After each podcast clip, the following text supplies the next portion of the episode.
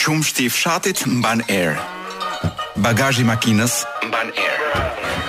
Rojet e kryeministrisë mbajnë erë. Neoliberalizmi mban erë. Festivalet mbajnë erë. Lakra e zjerë mban erë. Dosjet e komunizmit mbajnë erë. Plazhet e jugut mbajnë erë.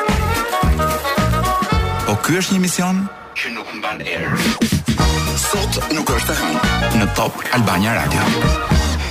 Kaq shumë janë shtuar gjëra që mbajnë erë, sa që Halloweeni nuk mban erë ose të paktën ne nuk arrijmë ta nuhasim. Është një situatë dramatike. Uh, po vija për radio këtej anash. Radio është uh, rrethu, është brenda një ndërtese që është rrethuar e gjitha me lokale. Nuk jua them se ku se kam frikë se vjen ndonjëri me pistoletë thotë kush është John Lennoni këtu edhe bën ndonjë masakër. Edhe na vret ca kalamaj të rinj, domethënë që kemi këtu që po mësojnë montazh DJ Luck. Pra është mbushur plot me rini radio. Ndërkohë që jashtë radios këto lokalet kishin vetëm burra. Kjo zakonisht është ora që lokalet e Tiranës mbushen me gra. Ë, po unë vura re që kishte vetëm grupe me nga 2, 3, diku dhe 4 burra. Pashë në 5 lokale mezi gjeta dy vajza që dy gra që rrinin vetëm dhe pastaj vetëm burra gjithandej nuk e di se ç'po ndodh. Ndoshta do të kemi një surprizë të orës së vonë. Dhe drama tjetër që pata, drama e vërtetë në fakt që pata unë duke ardhur për në radio ishte ishte çështja, një çështje lidhur me librat. Kam harruar librin në shtëpi sot, librin që lexoj në radio, e thashë të kërkoj një librari këtu afër. Uh, u futa për të parë dhe pjesa më e madhe e atyre që shiten si librari që kanë o book o libër o librari në në në titull, Nuk kanë të bëjnë fare, janë thjesht lokale që nuk kanë asnjë libër ndoshta, vetëm libra për dekorim, po s'kanë lidhje me librin. Dhe ato që janë, o bobo, seç kam ca gjëra këtu që po më kapin ca si rrjeta merimangash, që janë dekorative, po në fakt po më kapin si të ishin rrjeta merimangash të vërteta. Të kthehemi tek tema e librit. Ë, pashë që Tirana ka tmerrësisht shumë pak librari. Pra po u gjetën nja pesë librari të mirëfillta, pra nuk po them për ato që janë që gjysma e dyqanit është me zarfe dhe gjysma tjetër është me libra ose çereku është me me me çanta shkolle dhe dhe vetëm një 10% është me me libra të mirëfilltë. Po të mos i numërojmë këto, ne nuk kemi pothuajse fare librari në qytet, Çka tregon që ne jemi vërtet një popull i pakënduar. Dhe prandaj jemi çikë si të palarë, të palarë jo në trup, të palarë, si me thënë, nga trutë e kokës. Sepse në një popull që është kaq i pashkolluar dhe kaq i palexuar, sigurisht që gjuha ka ka struktura të vetat, një gjuhë që ti e flet mirë dhe e kupton mirë, të zgjeron nga brenda. Domethënë i ke ato hapësirat nga brenda mendjes, i ke të mjaftueshme për të thithur dritë dhe për të thithur gjëra. Por njerëz që nuk dinë të lexojnë, njerëz që nuk kanë lexuar kurrë asnjë libër, sigurisht që gjuhën e shkruajnë keq, po sigurisht edhe mënyrën se si mendojnë e kanë të shëmtuar. Po mënyrën se si artikulojnë e kanë të shëmtuar, po vetë dhe në thelb vetë jetën e kanë të shëmtuar. Kështu që kjo është Shqipëria që na rrethon, Sigurisht që pushtetit, të gjitha pushteteve të botës u intereson një popull po po ç'më gjeti me këto brimankat këtu. Një u intereson një popull që është i paditur, sepse popujt e paditur mbahen në kollaj nën thundër. Më duhet të them që një rrugic në Budapest ka më shumë librari ë se sa ç'ka gjithë Tirana. Dhe ky është një turp i madh për një kryeqytet të një vendi. Po që është një kryeqytet siç thashë, totalisht i palexuar dhe i pakënduar. Kështu që vajta te kjo libraria për të gjetur librin do të flas më vonë se çfarë libri gjeta. Ë për momentin do t'ju lëshoj një këngë që mua më emocionon veçanërisht shumë. E para sepse është një këngë që ë në vitet 90 ka shënjuar ka qenë njolla e çdo adoleshenti të botës në trupin e vet, të kësaj botës tonë të perëndimit. Dhe e kam ridëgjuar të ribërë nga një grup prej 1000 muzikantësh, 1000 muzikantë, janë një 100 bateristë, ku di unë disa qindra uh, këngëtarë, qindra kitaristë, të gjithë në një në një stadium të madh që i bien njëkohësisht të njëjtës kënge. Dhe zhurma ju duhet ta shihni patjetër dhe me video këtë, nëse pëlqeni këngën, po edhe për eksperiencë po themi vizuale, dhe emocionale është e jashtëzakonshme, në YouTube e keni. Është një version i Smells Like Teen Spirit nga një grup që quajnë veten uh, Rockin' Thousand, sepse 1000 artistë që luajnë të njëjtën këngë në sinkron, një emocion i jashtëzakonshëm. Nuk e di a vjen dot në radio sepse unë gjithmonë kam parasysh edhe videoklipin e këngës. Ka një kalama të vogël aty një 12 vjeç, i bie edhe ai baterisë. Ka njerëz të të gjitha formave, veshjeve, fytyrave, flokëve, racave, gjinive, të gjitha aty brenda. te kjo njëmijëshe e artistëve që këndojnë një këngë të lashtë të Nirvanave, e lashtë, po është kështu më vjen ajo era e keqe kështu e shpirtrave të adoleshentëve që po piqen aty në Halloween, Smells Like Teen Spirit. Kjo është Top Albania Radio. M'u mor dhe fryma. Unë jam Koloreto Cukali dhe jua lëshon këngën DJ Chloe tani. Oh yes, sot nuk është e hënë edhe shumë gjëra të tjera. Sot mund të themi që nuk është Halloween, po kë do gënjej unë. Ë do të bëjmë një panoramë të ngjarjeve të javës që kaloi. Sigurisht kryengjarja e asaj jave ishte firmosja edhe pse ajo nuk ishte firmë, ajo ishte vetëtimë, do thoshte Kadareja. Firmosja e marrëveshjes së bashkëpunimit MB ë që nuk është Ministria e Brendshme, është Meta Berisha për bashkëpunim për zgjedhjet lokale të 2023-shit dhe më duhet të them që gjërat kanë ndryshuar shumë që nga marrëveshja e 2009-s. Gja, dy gjëra kanë ndryshuar jashtëzakonisht shumë. E para stilolapsi i Berishës dhe e dyta masa e kostumit të Metës. Çfarë kemi tjetër? Hakerat kanë nxjerrë të dhënat e kryeministrit Rama shumica e udhëtimeve të tij me charter. Ëm do flasim do thellohemi pak më vonë mbi këtë. Ëm më duhet të them që më duhet të bëj një batutë që nuk është aspak çështje luksi sepse kryeministri sigurisht nuk dëshiron të jetojë në luks. Është eh, kryeministri më i thjeshtë dhe më anti luks që ka pasur Shqipëria. Thjesht ai ka dashur të ruajë pasagjerët e avionëve normal nga gërrhitja e tij monstruoze gjatë eh, udhëtimeve për kafe, sepse Neve kemi mërzitur shumë kryeministrin dhe ai është i detyruar të marrë charterin për të pirë kafe lart e poshtë. Si me thënë vjen thot Kolo, hajde pim një, një kafe ku di un. Në Stockholm. Pse mos e pim një kafe në Stockholm? Edhe nisim të dy me charter. Po gjithë kjo thjesht për shkak të stresit që ju i keni shkaktuar atij. Ashtu dhe. Don ta dini që të gjitha udhëtimet nuk janë për qejf, janë për të lehtësuar dhimbjen dhe stresin që ne si popull i shkaktojmë liderit maksimal. uh, maksim, maksim lider. Çfarë kemi tjetër? Një rrjedhë gazi paskemi parë këtu në sigurisht që s'e kemi vrarë shumë mendjen, në një fabrikë në Porto Romano, paskan evakuuar dhe banorët, rrezik për shpërthim atje. Unë mendoj që ne duhet ta konsiderojmë si një Halloween party të organizuar nga shteti. Dhe mbas pak do t'ju them 10 arsye pse duhet të festojmë Halloweenin. Pse duhet ta festojmë? sepse arsye për të mos e për të mos e festuar janë shumë. Çfarë kemi tjetër? Indeksi i emocioneve për, për 2021-shin shqiptarët më të stresuarit në Ballkan. Ëh, kjo sigurisht ka lidhje me atë burrin që folëm pak më parë. Uh, edhe pse tentoj un besoj që këto matje janë bërë para rakis sepse mbas rakis uh, jemi të gjithë paksa si më të qetë. Do të thjesht harrojmë. Ë uh, kemi edhe një ngjarje tjetër që është shumë për të qeshur, që ka të bëjë me sigurinë e e vendit, sigurinë kombëtare. Ë uh, çeku me parashut alarmon repartin ushtarak pranë Dajtit. Unë mendoj që ka ardhur koha që ushtrinë tonë ta kthejmë në një atraksion turistik. si me thënë, eja në Shqipëri dhe parashutohu në repartet ushtarake, duke të ofruar sigurisht një zgjedhje repartet ushtarake ku të pëlqen ty. A pse mos kesh mundësi të zgjedhësh? Mund mos duash të Dajtit, mund duash atë tjetrin. Ë, ku di un çfarë ka Shqipëria? Në qoftë se, ku di un sa mund të kemi të mbetura reparte ushtarake sepse shumica janë kthyer në depo droge Çfarë kemi tjetër kaq? Kemi edhe ca lajme nga bota, do t'i trajtoj më vonë kur na vi Blerina Shehu në studio. E mbyllëm me lajmet e javës që kaloi. Dua t'ju prezantoj, jo t'ju prezantoj, po dua t'ju t'ju jap një lajm të keq.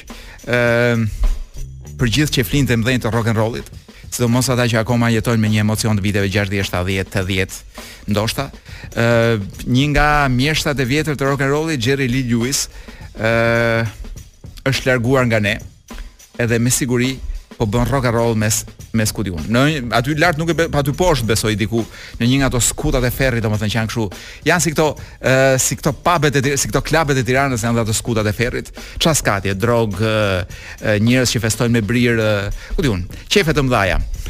Ky ishte Jerry Lee Lewis, Jimmy Page në kitarë me rock and roll, uh, ndërsa tani do t'ju them 10 arsye pse duhet të festojmë Halloweenin.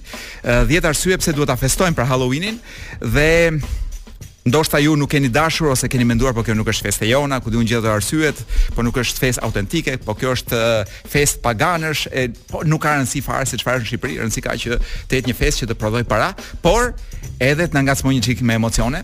Pra, arsyeja e parë pse duhet ta festojmë Halloweenin është sepse në këtë, në këtë rast kemi rastin të vishemi apo të sillemi si djaj të vegjël me brirë, gjë që do të na hyjë shumë në punë kur drejtojmë shtëpitë, kur drejtojmë, kur të punojmë në shtëpitë e barit në Londër. E dyta, sepse Halloweeni është ushtrimi më i mirë që na përgatit për tmerrin dhe horrorin e Shqipërisë që buzëqesh. E treta, sepse gdhënia, gdhendja e kungujve mund të jetë e vetmja gjë që na bashkon si popull, përveç Kombëtares. E katërta, sepse Dita e Verës e meriton një antitezë. ose le të themi një kundërfestë. Ë uh, arsyeja e pestë pse duhet ta festojmë Halloweenin është sepse rrjetat artificiale të merimangave nëpër dyqane dhe lokale do të vrasin mushkonjat e fundit të stinës. Dhe ju mund ta keni vënë re që jemi akoma të mbushur me mushkonja. Arsyeja e gjashtë për të festuar Halloweenin është sepse Tirana është qyteti perfekt për të, me godina të pushtuara nga shpirtrat. dhe me pyje orbitale të pushtu ku që banohen nga njerëz ujq. Arsyeja e shtatë sepse tallja me frikën na ndihmon të bëjmë tranzicionin nga vera me diell dhe akullore në dimrin e errët me fatura dritash që shkojnë sa ç' është GDP-ja e Kongos. Arsyeja e tetë për të festuar Halloweenin sepse duke u veshur si vdekja zbusim ankthin që na shkaktojnë vjedhjet e vazhdueshme të të dhënave tona personale. Arsyeja e nëntë sepse industria e dhëmbëve fallso të vampirit ka nevojë për ndihmën tonë. Arsyeja 10 Oh, kam vetëm 9 arsye. Për këto 9 arsye më ka ndihmuar kolegu im skenaristi uh, Florenc Zerellari. Këta ishin Cage the Elephant me Cold Cold Cold. Uh, kam një simpati shumë të madhe për këto grupe të cilat uh, janë bashkë që të vegjël. Pra njihen që kur janë në shkollë të mesme dhe edhe nuk ndahen pasaj derisa njëri merr gruan e tjetrit, ku di unë ndodhin ato gjëra që ndodhin mes grupeve të famshme, por është një nga grupet indie, grup amerikan që unë i dua më shumë. Në dorë kam librin, sot libri është një aksident, sepse në plan në mendje kisha që të rikthesha një libër të vjetër, duke qenë se kam parë një adaptim të librit të Remarkut asgjë e re nga fronti i perëndimit dhe thash, ndoshta duhet të lexojmë diçka nga ai libër. Ë, uh, por sepse pash adaptimin dhe është një film gjerman i mrekullueshëm e gjeni në Netflix ose kudo që kopjohen dhe jepen në mënyrë pirate këto filmat e Netflixit. Por është një, mendo, unë mendoj që është një moment ë uh, pra ky film të ofron një moment për t'u shkëputur nga serialet edhe për t'u zhytur në në një botë tjetër që është bota e luftës së parë botërore. Jashtëzakonisht emocional, ë dëgjova që është filmi që Gjermania ka propozuar për Oscar këtë vit. Ë dhe uroj që të fitojë ndonjë çmim sepse ishte një film i jashtëzakonshëm. Shumë emocional.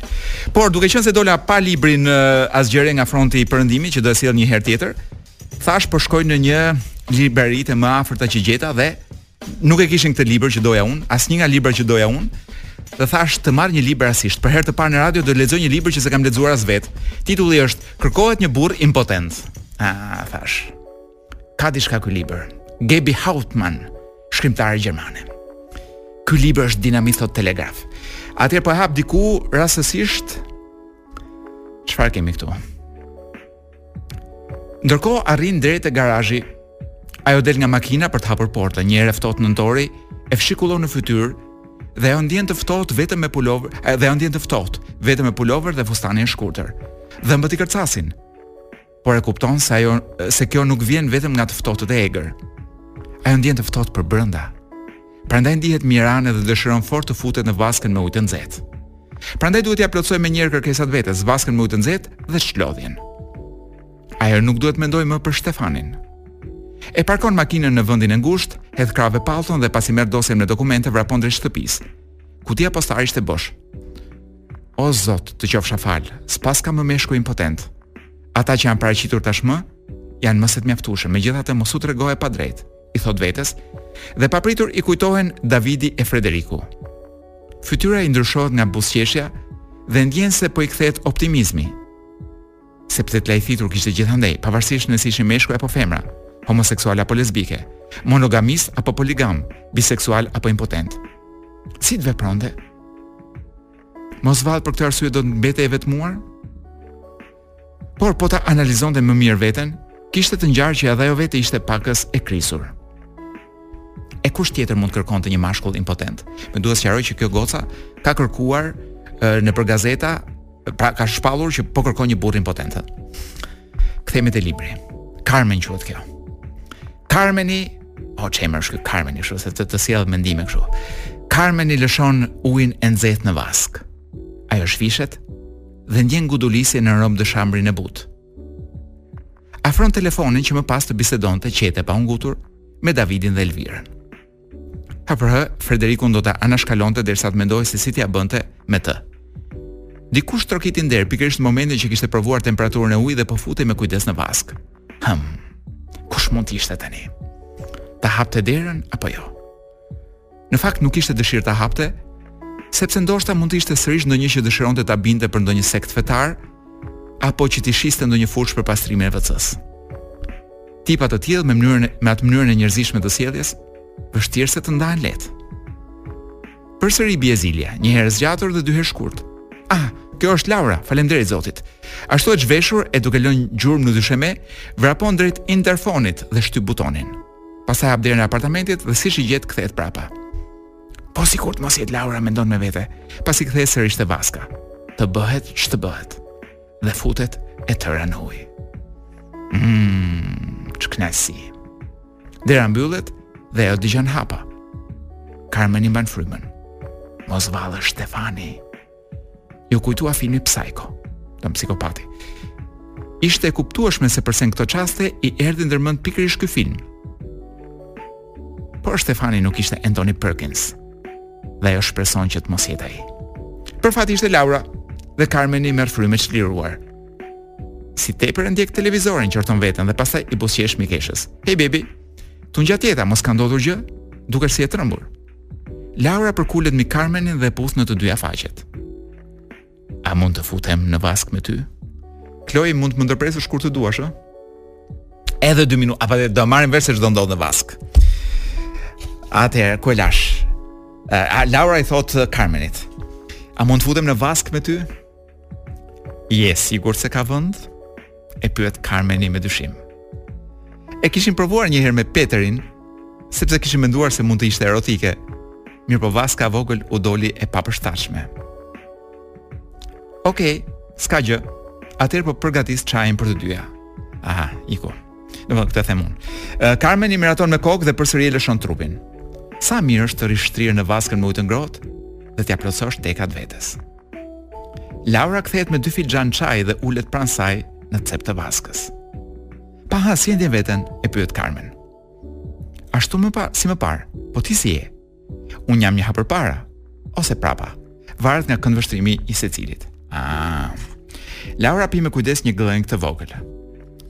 Po si duhet ta kuptoj tashmë këtë? Shtefani, pa Carmen, dhe Carmeni zgjat paksa fytyrën. Jam e lumtur që ndodhesh këtu. Me pak fjalë, nuk e di fare se si të sillem me të. Ajo vë filxhanin në anë të vaskës dhe u fryn flluskave para fytyrës. Më vjen shumë keq, por ti po më flet me rebuse. Çfarë ka ndodhur me Shtefanin? Carmeni rrëfen ngjarjen e mëngjesit, ndoshta duhet të kisha filluar që nga mëngjesi unë. Ë këtë librin. Nëse e jemi këtu, e, jemi në vaskë gjithmonë. Gjatë kësaj kohe Laura rri pa lëvizur dhe dëgjon me vëmendje deri në fund. Duke tundur kokën i thotë: "Dhe ti kujton se meshkujt impotentë nuk janë problematikë?" Për këtë mendim meriton vetëm të të tall. Tallu sa duash i thotë Carmeni me zë të zvargur. Kjo s'ka për të na ndihmuar. Nuk di ç'të bëj me Elvirën. A duhet t'ia them? Druaj se ka për të fajësuar veten. E të tjera të tjera, më duhet të them që uh, kjo zonja të lexoj pak për librin, uh, Kjo nxjerr një lajmërim ku thotë kërkohet një burrë i zgjuar, një 35 vjeçare tërheqëse dhe e suksesshme kërkon një burrë për zbavitje, angazhim dhe miqësi. Kushtet të jetë inteligjent dhe impotent. Pra këtë lajmërim ka bërë kjo gruaja dhe gjithë ato gjëra që i ndodhin pastaj se i mbushet shtëpia me lajmërime ku di unë këtë kuptova unë, por librin nuk e kam lexuar, do ta lexojmë së bashku. Këta ishin Arctic Monkeys, kjo kënga për ata që përqendrohen tek teksti është si të shohësh një film. Pra si shohësh jetën e dy njerëzve, Uh, mjafton mbyllësh sytë dhe dëgjosh këngën dhe është një histori e treguar shumë bukur. Uh, Arctic Monkeys është albumi i dytë tashmë që nuk janë shumë rock më, janë më tepër meditativ, kështu introspektiv thuhet, por mua kaq të pjekur kështu domethënë në këtë stilin kështu prej ë prej rockerë që kanë veshur tashmë kostume, Edhe kanë hequr xhaketat e lëkurës, më pëlqen shumë. Do t'ju flas për shkurt për diçka që më ka ngacmuar dhe është një titull i New York Magazine. Ë titulli ishte A mos po jetojmë në teknofeudalizëm? Ë nuk unë mendoj që ndoshta vetëm nga titulli secili prej nesh mund të imagjinojë se për çfarë flitet. Ë bëhet fjalë për këtë botën ku ne jemi gjithnjë më tepër si shërbëtorë apo si skllevër të cilët jemi të mbi dhe jemi të mbikëqyrur gjatë gjithë kohës. Ndërkohë që kemi lordër vërdall, Lordi Bezos, Lordi ku di unë Elon Musk, Lordi Zuckerberg. Domethënë, edhe në këtë artikull don ai që kishte shkruar përpiqej të të krijonte përfytyrimin se si do jetë e ardhmja me këta lordë mbi kokën tonë. e ardhmja jonë do jetë një vend ku edhe koshat e plerave do të mbikëqyren dhe do përthithen informacione sepse ata do fillojnë të, të, të marrin vesh edhe se çfarë plerash hedhim ne, se ndërkohë gjithë gjërat e tjera tonat i din. Dhe do arrin pra të ken gjithçka tonën që nga mënyra si mendojmë, që nga ëndrrat që shohim, që nga dëshirat që kemi e deri tek plerat që prodhojmë, të gjitha do të jenë informacione që do të kenë pikërisht perandoritë e ngritur nga Bezos, Musk, Zuckerberg me shok. Ë mund t'ju duket sikur është një vizion distopian i botës, por ë un kam frikë dhe dhe bashkohem me shqetësimin e artikullit që ë, kjo bota që jemi ne tashmë nuk është kapitalizëm, por është një sistem ekonomik që praktikisht është një feudalizëm i ri, po një feudalizëm teknologjik. i cili vetëm rritet dhe zhvillohet, ku perandoritë ekonomike të këtyre njerëzve vetëm rriten dhe zhvillohen. Dhe ne nuk jemi gjë tjetër vetëm vetëm vegla në duart e aplikacioneve të këtyre. Dhe thithin çdo gjë nga ne. Domethënë, nuk kan nevojë na thithin gjakun siç mund të ndodhte në kohën e feudalizmit klasik, por na thithin gjithë gjënë që kemi këtu brenda, këtë gjakun, këtë limfën e trurit ton. Ë dhe situata është katastrofale, nuk dihet ku do të shkojmë. Ë madje un jam i sigurt që kjo ky teknofeudalizmi nuk është një gjë e të ardhmes. Ne jemi aktualisht aty. Hakerat iranian që dinë çdo gjë tonë dhe kush janë hakerat iranian fund fundit. Pra, çdo gjë jona është atje lirshëm, Ju ndoshta nuk e dini, po duke përdorur TikTokin, TikTokun i keni dhënë qeverisë kineze çdo informacion tuaj. Pra çdo gjë juaj. Çdo gjë juaj po themi edhe fytyrat tuaja, edhe samplat e zërit tuaja, tuaj tashmë janë pronë e qeverisë kineze, që mund të bëjë me to çfarëdo gjëje. Ë uh, imagjinoni botën ku jemi dhe gjithë kjo sepse jemi fare të pakujdesshëm për ta mbrojtur veten dhe për një çik gjysmësh argëtimi në TikTok jemi gati të bëhemi skllevër të teknofeudalizmit. Kaq kisha për t'ju thënë. Hey, Blerina hey, mirë se erdhe. Përshëndetje, mirë se të gjej Kolo. Siç vjen kështu e freskët edhe me. Gjithsej jam kaq e lumtur. E, jo, desha të të pyesja çfarë ban era jashtë se ne jemi të mbyllur këtu brenda, po më thuaj, mbase shkojmë bashkë të dyja. Çfarë po ndodh ndonjë gjë që ban era? Po un e, e para njëherë që ka ndodhur është që po bëhet nami sepse ka rën Instagrami. Oh! Dhe kur them ka rën Instagrami, jo siç ka rën Facebooku, po, WhatsAppi. Por është, është si të bjerë NATO ja. Etj, etj. Është si të bjerë për shembull avioni që ka gjithë qeverinë shqiptare dhe ku diun gjithë që zbie, o zbie. që nuk bie kurrë, pra që ne themi gjithmonë themi a e zbie që jo, që i rënd. Jo. Është më keq se ç'mund ta imagjinosh ti. Për vetë çfarë ndodh atje ka ka plasur prej akaunteve janë nuk figurojnë më. akauntet e Instagramit, për shembull, akaunti yt, nëse futesh mund të mos të lejojë të hysh të kesh akses në oh, në Instagram. Po përveç kësaj, nuk është as kjo aq e frikshme sa vetë dita 31 tetor. Është fakti që shumicës u kanë ikur followersat. Oh, po janë me minus followers. Kjo është si të të vjedhin biçikletën mbasi të kanë vjedhur makinën. Llogarin bankare, llogarin bankare, ty të kalon rroga, për të cilën lodhesh, punon, nxjerr foto, ë me thashetheme edhe e papritur të humbasin 2000 followers. Jam i sigurt, jam e sigurt që ka njerëz që do preferonin më mirë t'u vidhnin llogarinë bankare jam e sigurt ose shpinë sesa followersat nëpër Instagram që kanë harxhuar shumë për t'i për t'i mbledhur. Unë shkova kontrollova direkt ata të mitë, Nuk kishin ikur të gjithë, kishin ngelur edhe disa të tjerë, të cilët Instagrami po m'i kthen kokërr më kokërr, një nga një. A pse se desha të pyesja, kur po të kanë po ikur, ku shkojnë? Nuk e di. Se mos i shkojnë ndonjë tjetri. Madje e kam çdo gjë mund të ndodhë. Ë vetë Se mos i shkojnë Bleri Gjylametit për shembull. Se blerin për blerin nuk dinë, hutohen të shkretët followers, sa duhet. Kanë ngelur kështu si jetimë rrugëve të, të Instagramit. Vetë Instagrami ka thënë na lën na lini pak kohë, na jepni pak kohë të kontrollojmë ç'po bëhet. Tani dua të di, ka ndodhur gjë, po ndodhin. Andaj ka dërmarrja mora më. jo, u morve që që nga Bërnami, po a kanë dalë njerëzit në rrugë të protestojnë? Apo digjen institucionet? Jo, ka një lloj Apo sulmohet policia për shkak të Instagramit? Në 12 nëntor, aty do ta shfryjmë të gjithë mllefin, por përpara kemi atë vetin që të të shpërthejmë së brendshmi. Ajo është duke ndodhur. Po flasim, ashtu po flasim nga brenda. Po në gjithë botën, ëh, se nuk kemi vetëm ne që ta dish. Jo, po ne të paktën kemi e kemi këtë kurajë që për gjërat tona nuk ngrihemi ndonjëherë. Jo, jo. Po për Instagram e për WhatsApp. Tonë po është edhe ajo. Ne mund të vrasim njerëz, ëh. Pra qeveria shqiptare nuk mund të bjerë nga ekonomia, po do të bjerë nga rënia e Instagramit. Eksakt. Kështu që ky kjo ishte gjëma më e madhe që uh, kompania e Instagramit na bëri dhuratë sot me datë 31 tetor, që siç thashë është një ditë e shënuar për të gjithë po. kombin shqiptar. Është po. Halloween, është një festë që ka filluar të festohet që ditën e premte. Nuk e di si erdhe ti, erdhe rehat në punë, erdhe kollaj? Unë erdha duke shkelur mbi kufoma kalamajsh pra. të vegjël që nuk e di pse ishin be, dmth prindit i kishin sajuar sikur s'i kishin të vetët. Kolo, ka një artikull shumë interesant të revistës Monitor, meqenëse ma solle uh, tek prindrit dhe mamat, uh, i cili thotë që uh, Vit pas viti shqiptarët shpenzojnë gjithnjë e më tepër pavarësisht krizës ekonomike për, për Halloween. harxhimet e Halloweenit dhe dua të të nënvizoj një kostum për të rritur, fostan. një fostan sa bën? 2500 lek. Sipas oh. studimit, për fëmijë 1500 lek dhe për kafshët shtëpiake 1000 lek, të gjitha të reja. Tmerr, tmerr. Ma, ma mbaj aty, Këtu do të qeras me një këngë. Jepi. Kënga është e vjetër, Po ky versioni që është si si pak si jazzy kështu, kjo Ane Brun. Më pëlqen shumë Big in Japan.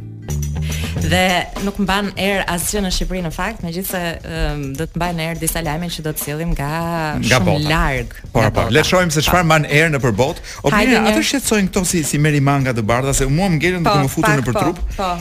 Edhe nuk e di kush ka qenë ideja gjeniale. Duro dhe sot se mbaroi. Po si mbaroi, po kemi ky ky Halloween ka nisur që para dy javësh. Po, tani direkt mbas këtij vjen viti i ri. Ashtu ngjan. Domethënë është një prelud. Është e vetmja festë që festohet 6 ditë, as domethënë as ata që e kanë shpikur nuk e kanë festuar kaq gjatë sa neve. E di. Po ka ka harenë e tij, kështu që e po rëndësishme është njerëzit të gëzohen se për çfarë nuk ka rëndësi. Të jemi sinqertë, unë njoh njerëz që janë martuar për Halloween. Edhe unë njoh dy. dy njerëz, dy, dy, dy njoh dhe unë. Që kanë martuar njëri-tjetrin. I uroj jetë të gjatë të lumtur. Dhe të lumtur, puthje. puthje dhe dhe kafshime. me dhëmbë falso. Po, pastaj do të jap edhe një menu se si ta mbajnë gjallë uh, marrëdhënien e tyre uh, dhe raportin intim Edhe pas të pesëdhjetave, është një menu që Menuja është shumë e thjeshtë, bleu ta filloj unë me menun. Menuja është pak a shumë vjen nga Koreja e Veriut. Çdo vit në Korenë e Veriut ndodh një betejë e madhe për për si ta them se s'ma nxe goja edhe pse është Halloween, për kakën. Uh! Domethënë sepse shteti i ka kërkuar shteti korean që është pak ne nuk e di a ke vënë re kryeministrin që del me fermerët. Nuk e di si e lidha unë kakën me kryeministrin. Lidhet dhe sepse siç del siç del ky me fermerët. Janë të tre me kë. Lena mos më huto të them. Se dua të flas për kryeministrin për për për Korenë. Për presidentin, nuk e di çfarë ai domethënë. Kryeministri. Për shaj Kim Kimi Kim po. Kaja 4 Kim Kardashian Kim Jong Jong Uni i cili u ka ka vendosur një ligj i cili kërkon koreano-veriorëve që jenë të rregullt vit për vit të prodhojnë po jo vetëm të rregullt po edhe prodhimtar do thosha unë Ja ta them në për vitin 2022 ta lexoj këtu, ë duhet të kenë 300 kg kak secili. po ti i ushqen këta? Po, dhe, dhe, dhe këta duhet ta mbledhin, domethënë ka, pra gjithë kakën e 2022-shit këta duhet ta mbledhin deri në mars të 2023-shit. Nuk mund. Si buxheti i Shqipërisë pak a shumë? Nuk mund. Po që buxheti ka një tjetër lloj kake ky yni, ë uh, ata e kanë për vërtetë. Nuk e di. Ë uh, me që jemi në temë. Oh, dhe dhe të, të them që këta po i vjedhin tashi nga që janë keq me prodhimtarista, po, nuk kanë të po, shkretë me ç'kam po dëgjuar. Aha. Dhe kanë filluar vjedhin, pra vjedhjet më të mëdha në Korenë e Veriut. Po bëhen për kak. Po. Nga lopët, nga Jo, jo, bagëtia, nga ajo, gjetët. më A fal. njëri tjetrit ia vjedhin. Po pra, secili prodhon të veten se lopë, kush të ketë më lopë atje. Domethënë nuk është si këtu që vjen lopa, që vijnë kuajt në mes të kryeministrisë dhe han bar atje. Nuk e di. Kështu kaq desha të them që është pra 300 kg pas kanë çuar për 2022-shin këta. Kak për secilin. Duhet të jetë kak njerëzore.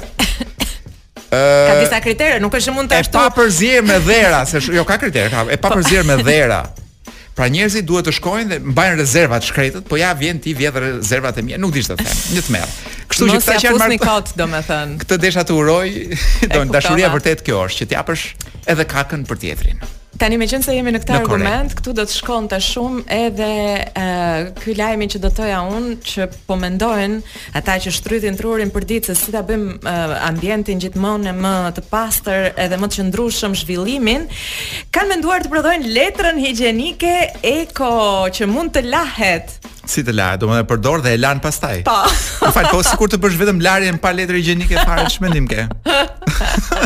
pra është një letër që përdor, pra nuk është thjesht që përdor mbarë dhe mbrapsht. Ajo do jetë e ardhmja. Ua, pra ti mund ta lash dhe mund ta shesësh në treg? Ti e lan, po, në një vaskë të posaçme, jo jo jo jo te lavomani për shembull. Shiko. jo aty ku lan dhëmbët. Shiko, ky inovacion godet sidomos njerëzit si puna ime që janë që blejnë të second handit. Aha. Pra që shkojnë që kanë dëshirë të blejnë rroba second hand dhe me këtë po na godasin shumë rëndë. Ja këtë kisha. Pastaj Po, po edhe me prit, po, me, me radhë kemi me, me, me të merret e kemi me radhë. Të të jap një informacion që është shumë i rëndësishëm, madje është edhe studim shkencor. Mhm. Ëm mm -hmm. si ta quaj? Mos pa ma thënë. Pickimi, pic, po s'e kam në mendje. Pickimi, si e quajmë ata që fusin gishtat në hundë? Kruarje hunde. Ata që kruajnë hundën. Po, me gisht. Ëh. Edhe me çelës makine, sepse njoh njerëz që e bëjnë me çelës makine. Aha. Nuk e di çfarë shikojnë, ndoshta se shiko. Hajt të dalim nga tema dhe të flasim pak. Po. për këta që fusin çelësin e makinës në vesh apo në grykë, në hund apo ku di un. Dhe rrotullojnë. Un kam njohur disa të tillë. Mm -hmm. Mendon që është si biçim droge, çfarë mendon ti se i stimulon? Uh, Freudi do kishte pasur shumë uh, për të thënë në këtë temë, sepse çdo objekt uh, në formë penisi që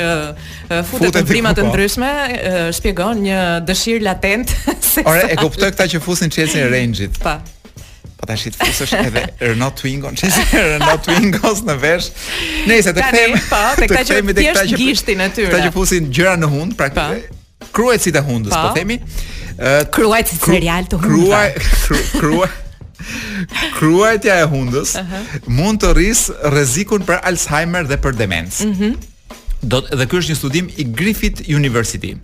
Pra që që në çfarë moshe mund të shfaqet ky alarm? Apo që të vegjël ti praktikisht e di 70 vjet përpara që fëmija jot do të vuajë nga Alzheimeri. Apo në një moshë madhore. Nuk e di. Unë mendoj që këta çfarë gjë që bëjnë këta është që i, i fusin vetes disa lloj bakteresh, pra, domethënë, arrijnë të shtyjnë disa lloj bakteresh, të cilat pastaj penetrojnë mm. deri në trurin e tyre. Është qartë. Por mirë, kur të bëhet vonë këtu, domethënë në momentin që ke Alzheimerin, Uh, mund ta kurosh, Kloe. Ndoshta mund ta kurosh me pak uh, pomad, kanabisi ose diçka të ngjashme, meqense është një iniciativë që disa murgesha gazmore në Shtetet e Bashkuara të Amerikës kanë ah. ndërmarrë së fundmi. Në Florida, në disa qytete të shtetit të Floridës lejohet, është e, e ligjshme mbjellja e marijuanës, e megjithatë këto zonja po në vendin ku ndodhen dhe ku nuk lejohet, i kanë shkuar kundër uh, autoriteteve dhe janë duke mbjell dhe duke rritur rreth 60 bimë kanabis. Kundër Alzheimerit. Për Apo? për benefite të ndryshme shëndetësore që nga kremrat kozmetike deri tek pomatat për dhembje, I rujt Zoti, mo. Un gjithmonë kam menduar që në qoftë se, si me thën, nuk fshihesh me peshqir, po fshihesh me me gjethe kanabisi, un mendoj që është mirë për për gjumin, para se të flesh. Zoti i di këto, këto janë punët e Zotit, e ke dëgjuar? Blerina. Më thuaj. Se Kloe na e preu po, riskun, po, po, domethënë, ka që kishim rriskën e lajmeve nga bota. An Kloe. An Kloe po, DJ An Kloe, ë uh, meqenëse patëm ankesa nga fansat që të shumë melankolike ishte, me këngë melankolike, po. do të të lëshojmë një këngë kështu që është si shqelm mas qafe. Ndash pranoje, ndash mos e pranoj. Sa isha duke futur gishtin në hund, më kujtua që mund të kem uh, pasoja afatgjata. Shumë të rënd, e lash. Uh, e di ti cili është vendi më perfekt për të futur gishtin në hund dhe unë njoh njërin që e bën. E di në makinë. Jo. Kur je në timon, Jo. I pashqetësuar në semafor? Ku? Kjo, prit tash, se kjo Aha. është, këto janë në kushte të vështira. Aha. Po po do që ta fusësh gishtin në hundë si njeri, merr një charter.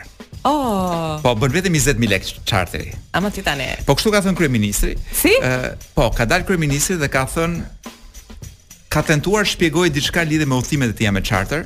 E ka me rastin e 31 tetorit. Sigurisht, domethënë ka dashur të na llaftarisi. dhe fillimisht dy ditë para do don Jo prit, kjo është është serioze, është është shumë po serioze. Po seriozisht. Po flas shumë seriozisht. Ha, ha njerëz se që ka shumë interesante. Hakerat uh, iranian po. që doli që na paskan hakeruar vërtet çdo gjë, ja, ja. nga ç'thuaj. Ja, ja. Nxorrën fluturimet me charter të kryeministrit. Po. Dhe kishte bërë me ku di unë 130 a ku di unë 2 milionë 300 a nuk e di. Ë prit, ja, se llogaritë do llogaritë do t'i bëjmë çik më vonë. Okej. Okay. Ë Masi dolën këto, gjëja e parë që bëri kryeministri është që gjeti një vend dhe gjithmonë gjen vende kështu të çuditshme për të bërë shpjegime. Ëh. Mm -hmm. dhe në Bulqizë ka filluar mbledh ca katundar lart e poshtë. Mm -hmm. Nuk e di ç'arsye ka, domethënë, mm -hmm. po ndoshta ndjehet mirë kur rrethohet nga njerëz që e shohin kështu si të shushatur mm -hmm. dhe mhm. nuk dinë ç'të bëjnë. Mm -hmm. Vajte dhe u fliste për chartera, për gjëra, domethënë bulqizakëve të shkretë, të cilët domethënë nuk arrijnë dot të kenë as vaj në familje. Mm -hmm. uh, u foli me chartera dhe u thoshte gjëra të tipit uh, se këta që këta portalet e kazanët e gjëra, pra gjithë këto gjëra që janë armiqtë e tij, këta janë ata që kanë udhëtuar me çarter, po do u dali e vërteta ku di unë. Ata nga nga xhepi i vet, ata. Ne të dy pra. Ne ne nga xhepi jonë po. me 20000 lekë. Themi ne që kryeministri ka udhëtuar me çarter, ne ne të dy kemi udhëtuar bashkë me çarter. Kolo, pse më fal me çfarë do shkoj unë në në Durrës? Ja ta them unë me çfarë do shkosh. Sepse doli pas dhe ka dalë sot duket. Dhe ka nxjerrë ka thënë që ç'është ky çarter ka thënë. Ha. Unë ja dhe i ka bërë dhe llogaritë. Ha. Për vitin 2020 Aha. ka thënë që ka harxhuar thjesht 1 milion e 930 mijë lekë të vjetra. Ë, Paska dalë dhe më pak se ç'më doli mua. Për 18 ka bërë 18 fluturime Ah, charter 18, për 1 po. milion edhe për- do të thotë që i bie që me 100.000 lekë të vjetra, mm -hmm. 105.000 lekë të vjetra, mm -hmm. të ketë bërë një udhëtim me charter. Çdo pensionist mund t'ia lejojë vetes. Na thuaj çik të keqen nona, ku është ky stacioni? Po unë ja 10 charter. Ku nisen këta charter? Ja 10 charter në vit dhe mund t'i marr. Për vitin 2021 ka lëshuar dorën fare sepse ka harxhuar vetëm 650.000 lekë të vjetra dhe ka bërë 33 fluturime, uh -huh. që bie 20.000 lekë të vjetra po për fluturime charter. Ore. Po të po të llogarisësh, unë charteri dhe... charteri do nja 1500 litra, do më nuk e di. Do bë, thua që kushton një një fluturim për shembull, ëm po. um, përveç qeras që kush, jo, për një fluturim një orë, uh -huh. një nga këto charterat po. harxhoka 2600 litra karburant. Po. Sa sa ç'harxhon ti në 10 vitet e ardhshme, e ardhshme. Dhe kushton qeraja 15000 euro. Po, po kryeministri E ka pasur qiranë vetëm 20000 lekë të vjetra. Do ketë ndonjë vajtje-ardhje. Alternative të çlirimit të energjisë, se nuk ka mundësi. Po- nuk po, besoj që fluturojnë me benzinë, po, me naftë. Po kryeministri jonë ngre dhe me pordhë, më fal për shprehjen, domethënë se është është çudibërës. Unë nuk desha ta thoja po ti e the vetë. Dhe ka të cilësisë së lartë, domethënë shtytse. Ëh, puna është që pse nuk e ka pasur si me thënë konstante 20 mijë lekë në çdo vit. Pse një vit duhet ta kishte 100 mijë lekë të po vjetra po, fluturimin? Luhatet në bursë, luhatet uh, pordha në bursë. Ç'të të them? Është um, dhe gjëja tjetër që ka thënë është që ë um, uh, lexoj një perlë tjetër. Ja, lexoj një perlë tjetër është kjo që ka thënë ku ishte kjo se ishte shumë e bukur. Thoshte diçka tipi se nuk po e gjej. Ë, uh, por diçka të tipit që e ka, domethënë, ky ka bërë promocion. Pa. Pra e ka marrë me ulje se i bën promocion charterave. Ah. Pra kryeministri ah, jonë është... bën reklama, është një gocë reklamash. Ah, influencer. është një nga këto gocat e reklamave që shkojnë dhe bëjnë reklama ku di unë domethënë marrin para për atë reklamë. Ai duhet të jetë ndër më të shqetësuarit që kanë humbur followersat e Instagramit, Kolo. Kryeministri Mos qesh nën nën po mustaqe, jo. qesh tamam. jo, po pra po, domethënë kanë dëmtuar fare se nuk mund të nuk nuk do japin këta charterin aq lirë më. E tmerrshme. Meqense i ka rënë domethënë ç'të them, janë vetëm karburanti do ishte 60 ca milion, domethënë për një fluturim. Tan... lekë të vjetra gjithmonë. Tani... Po kryeministri e ka marrë me 20000 lekë të vjetra. A mund të kemi akses në këta charterat 20000 lekësha? Ai e tha. Kush flet për charterat, i ka bërë vetë. I ka bërë vetë. Pra ne të dy kemi bërë vetë, ti më shumë se fole ti më shumë se unë. Jo po ta dish. Pra i kemi bërë të gjitha vetë. E tmerrshme. Pra një gënjeshtër më të trashë unë nuk kam parë ndonjëherë. Dhe gjëja është ti do thuash se lind pyetja. Si është e mundur Ta që dikush të dikur që dikush të bëjë të tilla shkelje. Si është e mundur që dikush të bëjë të tilla shkelje?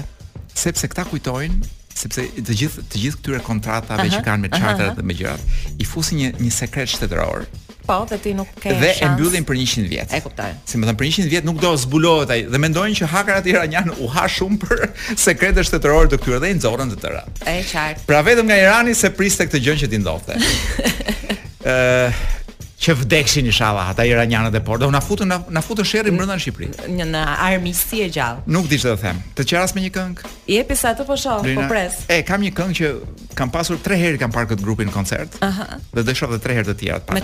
Para se këta të vdesin. Me atë charter. Unë shkoj shkoj shkoj kështu o me low cost pa. Po. që s'ke as valixhe, do duhet të veshësh gjashtë bluza se nuk i fut dot në çantë. Po. T'i kesh në trup që mos t'i numërojnë. E po ja ti ha. Ne jemi Blerina dhe Kolo në mikrofon, edhe Kolo do doja të të ftoja të bënim një bisedë serioze, serioze dhe intelektuale. Të vete të vesh pantallonat unë. Se kam dëgjuar që në radio kur je duke folur. Po, nga mesi e sipër po. mund dalësh me kollare. Ëm, ehm, desha të të pyes në fakt ç'mendim ke ti për këto model, modalitetet e ditëve të sotme të, të bërit protestë jo në Shqipëri, por nëpër botë nga grupet e ndryshme ambientaliste, të cilat për të tërhequr vëmendjen në dëmin që po i shkaktohet ambientit, kanë sulmuar vepra të ndryshme arti përfshirë këtu Monet, Van Gogh e të tjerë e të tjerë me supë, me salcë domatesh. Mua më pëlqen këta, nëse nëse më lejon të zgjedh, po. mua më pëlqen këta që ngjisin dorën. Dikush kish ngjitur kokën në një pikturë të famshme. Po, ka dhe nga ato zonja që vishen në mënyrë transparente dhe i dalin uh, pikturës përpara, pra janë forma Goxha kreative. Tash unë këto me ngjitje më pëlqejnë. Këto me ngjitje. Pse ta mohoj? Që ti ngjit kokën aty. Dhe unë do doja dorën të ngjisja diku, po nuk këtu nuk ku ta ngjisim. Te muzeu te muzeu. Të shkoj te kodi, ndoshta se është i po. vetmi vend sepse kryeministri edhe edhe artin e ka të vetin. E ka personalizuar. Po. Po. E ka futur brenda në bunkerin e vet në kryeministri. Të shkoj atje të ngjis dorën diku. Po. Ë, jo, desha të kuptoj këto këtë përplasjen e dy gjeneratave të gjeneratës art dashëse dhe asaj ambientaliste, ambient dashëse, pse duhet të jenë në një konflikt kaq të madh? Që të jemi të sinqertë. Ma thuaj. Në qofë se ma lejon një moment sinqeriteti, se nuk është dita e sinqeriteteve sot, jo, është, është. është edhe, ku ta di unë, 31 gusht a sa jemi, të kjo dita po, e vështirë. Po, 31 uh, Arti, arti i pikturave të shtrenjta po. nuk është art për popullin, pra është arti i milionerëve kryesisht. Ka shumë raste ku ti shkon për të parë dhe po flas shumë më seriozisht se se çdo biseda. Ka shumë raste që ti shkon për të parë uh, një ekspozitë ku disa të pasur kanë vendosur të japin për ekspo, pra i blen, mm -hmm. dhe vendosin të dhurojnë për ekspozim për, për, për një muaj. Po. Kështu që është një art i pasur për të cilin nuk më Nuk të shqetëson? Do nuk më shqetësohet që dëmtohet arti i pasur, i të pasurve kryesisht. Po, ai është Van Gogh-u. Van Gogh-u vetë tani, po të kishte qenë gjallë, hmm. do, do ishte vetë duke u ngjitur, do ishte vetë duke ngjitur veshin e vet, duke ngjitur tek pikturat e veta. Pra ti atë që nuk kishte. Pra unë mendoj pra- që Van Gogh-u vetë do ishte duke protestuar sepse gjëja që po ndodh sot është që Ky brezi i artdashëve, siç e quan ti, në fakt është ne kemi peshqesh nga ai brez konsumerizmin dhe konsumerizmi është arsyeja pse jemi në këtë në këtë gradë po degradimi të planetit. Po mund të shkojnë bashkë këta këta të kulturës me këta të ambientit? Nuk shkojnë bashkë se këta janë shumë shurdhër. Ah. Këta të kulturë, ky brez e bëri e ka bërë dëmin. E ka bërë dëmin dhe unë shoh vazhdimisht një pandjeshmëri shumë të madhe, njerëz që marrin akoma makinën për të bërë një rrugë për të pirë një kafe, se nuk po them kur ke hall. Mm -hmm. uh, po për të pirë një kafe për një kilometër rrugë që mund ta bënin dhe në këmbë marrin makinën për shembull. Pa. Pra jemi totalisht të pandjeshëm dhe nuk na bëhet vonë kur mund të marrin charterin. Kështu që këta bëjnë shumë mirë dhe thonë çfarë u çfarë u intereson atij brezit të ndjeshëm, Van Gogh, ai thua jo, ngjisim. Ai thua prishim. As atij nuk i intereson, do këtë dua të them. Unë mendoj që ata nuk duan, ata nuk po përpiqen të na fitojnë vëmendjen mua dhe ty. Unë po mendoj që ata të marrin klikime. Jo, ata po përpiqen. Po tash i Po kanë marrë shumë klikime. Greta Thunberg nuk është Greta Koçi. Jo. Për fat keq. Po është 16 vjeç ama. Jo, po thosha që është unë mendoj që qëllimi i tyre është që të tërheqin vëmendjen dhe të bëjnë mm -hmm. akte që janë gjithnjë më agresive për të kemi arritur një pikë ku planeti është gjë e rëndësishme. Është është shtëpia jonë e fundit, pa. të cilën po e vëmë vetë në flakë. Kështu që asnjë lloj Van Gogh-u nuk ka pikë rëndësie nëse mas 30 vjetësh Nuk do ketë asnjeri për të shijuar Van Gogh-ët më sepse mund të jetë zhdukur gjithë njerëzimi. E, po jo supa pastaj lahet. Nuk është problem. Kështu që po sikur unë do isha gati të jepnim gjithë pikturat e botës vetëm për të për të rikthyer, për të ulur me nja 2 gradë të vogla të ngrohjen globale që këto 10 vjet duket se është ngritur nja 2.5 gradë ku di unë. Po.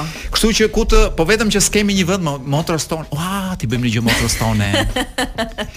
Po unë do doja që të merrnim, e di ti e ke parë që Motra Tone i ngjan asaj ministres se si e ka ajo, më duket, më duket se është ministra e. Kështu që nëqoftëse nuk gjejmë ku është Motra Tone, shkojmë dhe ngjisim dorën ke ministrja. Më duket se është e ekonomisë, nuk e mbaj mend cila është që ngjan me Motra Tone. Blerina. Okay, jepi. Do, do shkojmë ta festojmë direkt tani. Mbaruam? Mbaruam. Çfarë thua? Kjo është uh, këngë Halloween, i thashë, hajt më. Të kontribuojmë dhe ne te kjo festë e madhe e Halloween. Le të vëmë dhëmbët e vampirit. Me Blerina Shehun. Dhe Koloreto Cukalin. Rikthehemi mas një jave dhe nuk do të jetë e hënë as atëherë. As kurrë, puç puç.